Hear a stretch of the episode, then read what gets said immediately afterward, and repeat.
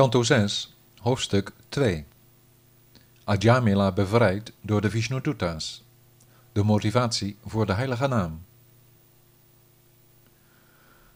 De zoon van Vyasadeva zei: O koning, toen de dienaren van de Allerhoogste Heer hadden gehoord wat de Yamaduta's zeiden, gaven zij antwoord als deskundigen in de leer.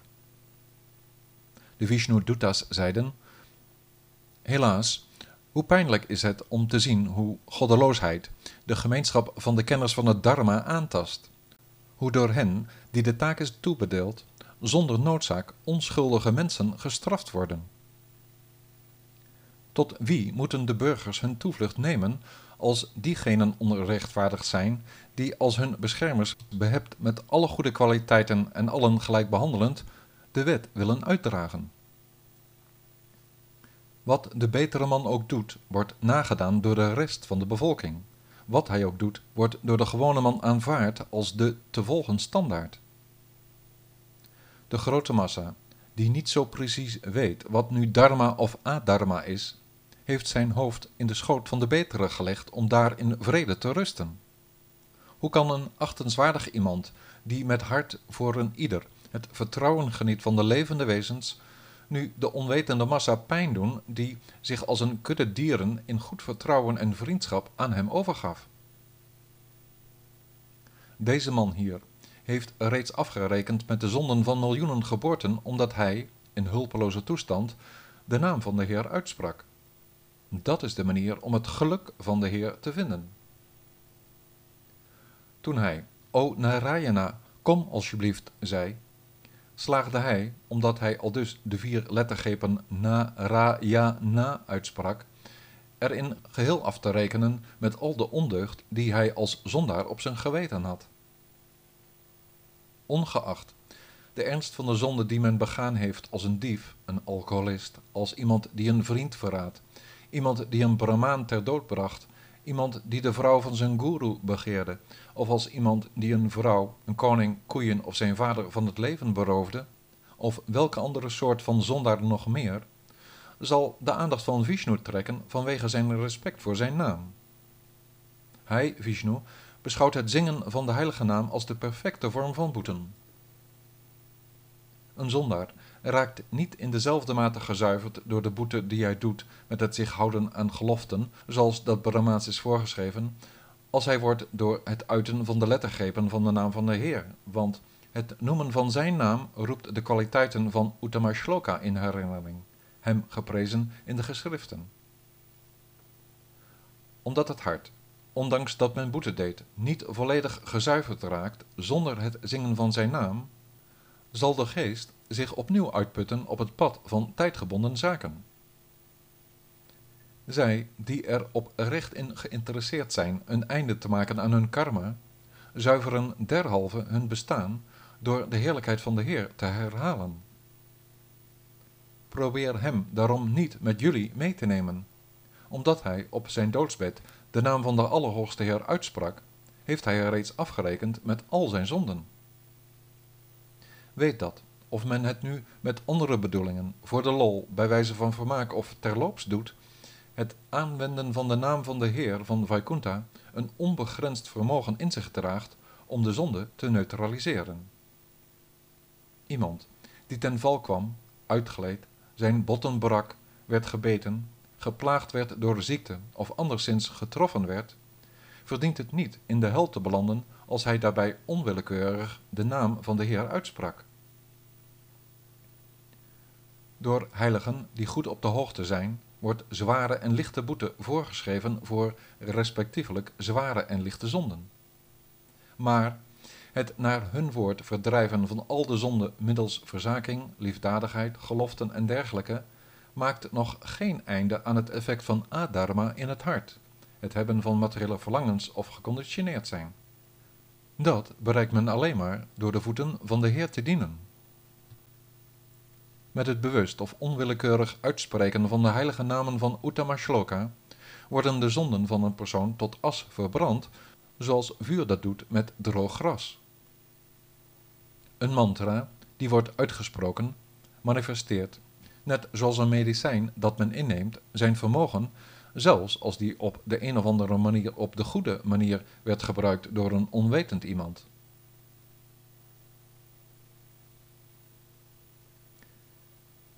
Sri Shuka zei, zij, de Vishnuduta's, al dus volkomen duidelijk makend wat dharma in de zin van toegewijde dienst inhoudt, o koning, bevrijden hem van de strop van Yamaraj en redden hem uit de greep van de dood.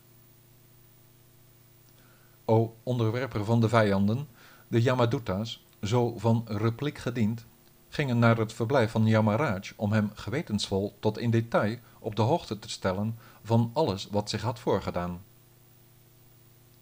De Brahmaan, bevrijd van de strop, nu vrij van angst, kwam weer tot zichzelf en bewees, blij de dienaren van Vishnu te zien, hen de eer door zijn hoofd voor hen te buigen.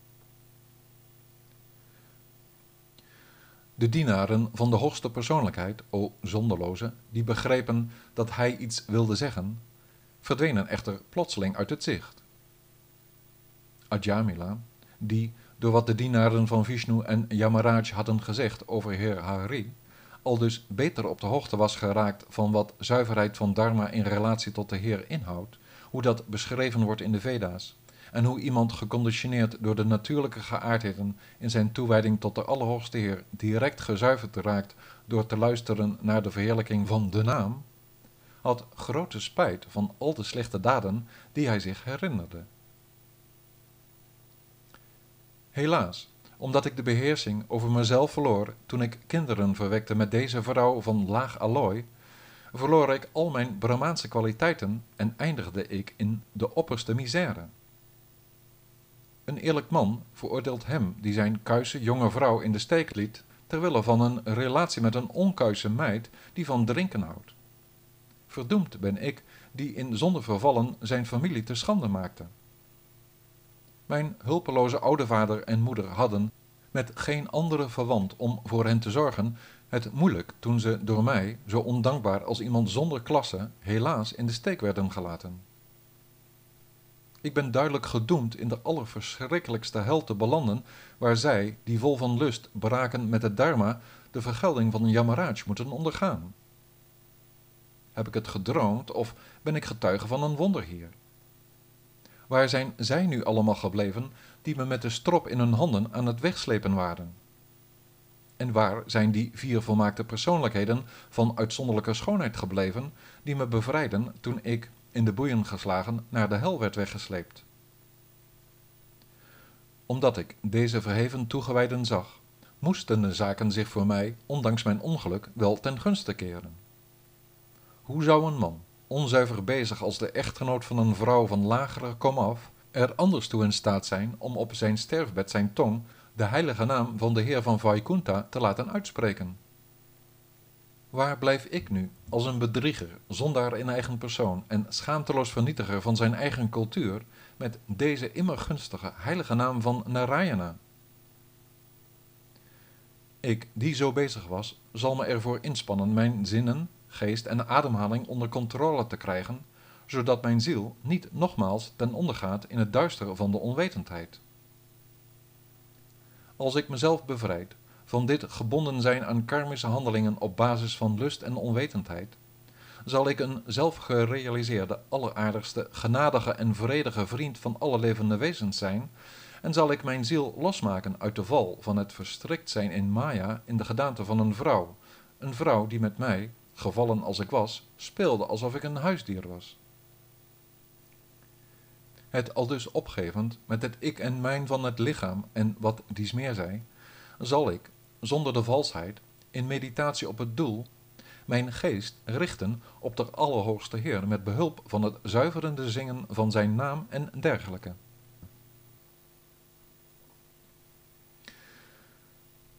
Bevrijd van alle gebondenheid door enkel maar een ogenblik omgang te hebben met de heilige toegewijden, gaf hij al dus het idee van een materieel leven op en begaf hij zich naar de plaats waar de gangers de laagvlakten instroomt. Aldaar, in een oord voor het disciplineren van de geest, keerde hij met het doen van yoga-oefeningen zijn geest naar binnen, weg van zijn zintuigen, en richtte hij zich op het ware zelf. Geheel verzonken in dat zelf, koppelde hij zichzelf vervolgens los van de werking van de geaardheden van de tijd en wijde hij zich aan het absolute in de vorm van de Heer die zuiver bewustzijn is. Zo gauw zijn geest en intelligentie hun anker hadden gevonden, zag hij de vier goddelijke personen voor zich die hij voordien had gezien en boog de Brahmaan eerbiedig zijn hoofd. Toen hij hen daar op die heilige plaats aan de gangers zag, gaf hij direct zijn voertuig van de tijd, zijn lichaam, op, om de oorspronkelijke geestelijke gedaante Swarupa aan te nemen die past bij een metgezel van de Heer. De man van kennis klom daarop, samen met de dienaren van de Heer, aan boord van een hemelvoertuig gemaakt van goud, en vertrok naar de hemel waar de echtgenoot van de geluksgodin Vishnu zich ophoudt. Hij, die alle dharma had opgegeven, die was getrouwd met een laaggeboren meid, was vervallen in abominabele handelingen, al zijn geloften had gebroken en in een hels leven was beland, vond al dus terstond bevrijding toen hij de naam van de Allerhoogste Heer zong. Om niet opnieuw gehecht te raken aan baatzuchtig handelen, bestaat er daarom, voor personen die graag willen ontsnappen aan de materiële gebondenheid, geen betere methode om te breken met de karmische gevolgen dan het herhaalde zingen van de naam van Hem die de toevlucht van alle heilige plaatsen vormt. Alle andere methoden leiden tot een geest besmet door hartstocht en onwetendheid. Welke persoon ook die met geloof verneemt over of met grote toewijding deze vertrouwelijke geschiedenis navertelt die je van alle zonde bevrijdt, zal niet op het gezag van de dienaren van Yamaraj naar de hel gaan, maar worden verwelkomd in de geestelijke wereld van Vishnu, wat voor ongunstigs hij ook deed in zijn leven. Als Ajamila ten tijde van zijn dood door vast te houden aan de naam van de Heer naar de hemel ging, ook al doelde hij op zijn zoon, wat zou dat dan niet inhouden voor iemand die met geloof en liefde vasthoudt aan de naam?